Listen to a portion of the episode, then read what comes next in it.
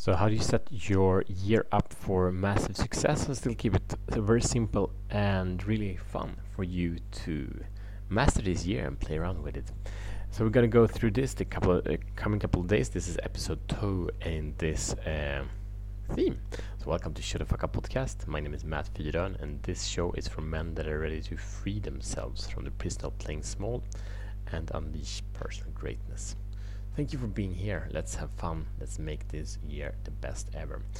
So, this is uh, part two. So, if you didn't listen to the previous part on the start of the new year, uh, yesterday's episode, go back and do that because these episodes build on each other.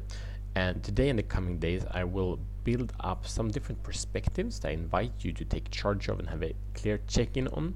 And by that, really being able to live good, be happy with yourself, in yourself, uh, also create amazing results in the external in the areas that are most important to your you now and this year 2021 all right.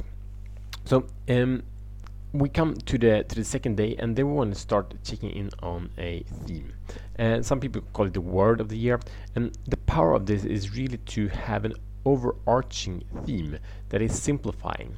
Because by making this decision now we can do it every 12 months every 3 months every decade. You can have micro and macro in levels. You're automating your focus. And what this means is that you are simplifying your life by making a decision once and then you ride on that decision week by week month by month and maybe year by year. And by doing that you can put way way more energy towards the things that matter in the moment and you don't need to start over from scratch uh, over and over again.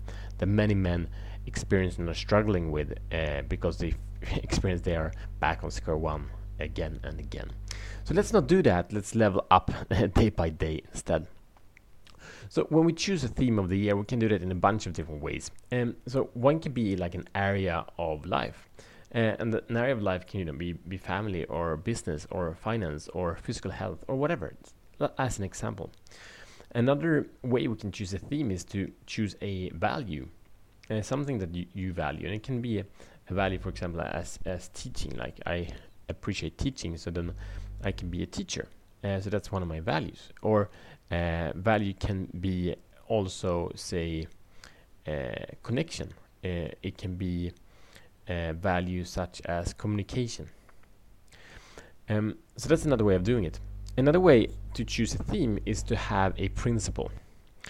We'll go down to all of these a little bit later in, in coming episodes, but when we choose a theme, find something that is most, that you kind of know that this is not only an ideal for you, but it's also something that you are living today and you can strengthen that. Something that when you choose this, this will work and it, this will make results better. So maybe when you checked in in, in the in the beginning, be end of the last year, we, we checked in a bunch of different evaluation strategies, and one of them was to check in what's been working, what has created great results for you. So if you use that insight and you put that as the theme, the one thing or the, the key thing that really created exponential results 2020, if that becomes your theme, you will have a better year. As simple as that. So if it's a principle, it can be the principle, for example, of I always do my best, or it can be a principle I'm aware of my truth and I share it generously. These are principles that we can use over the year.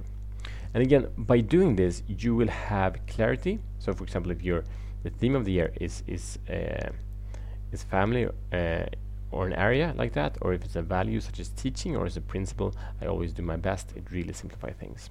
For me, my theme of the year is mastery.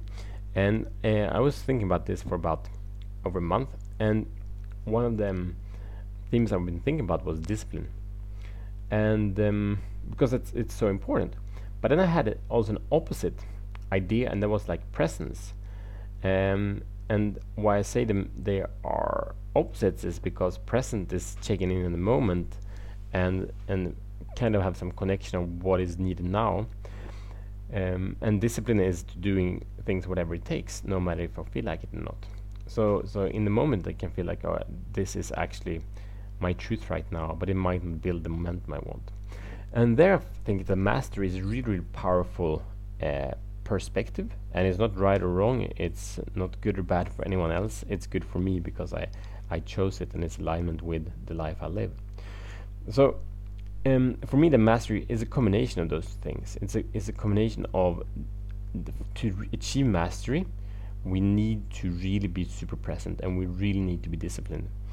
Uh, because discipline enough doesn't lead to mastery because we're not able to combine ideas in um, both uh, in depth and in width at the same time.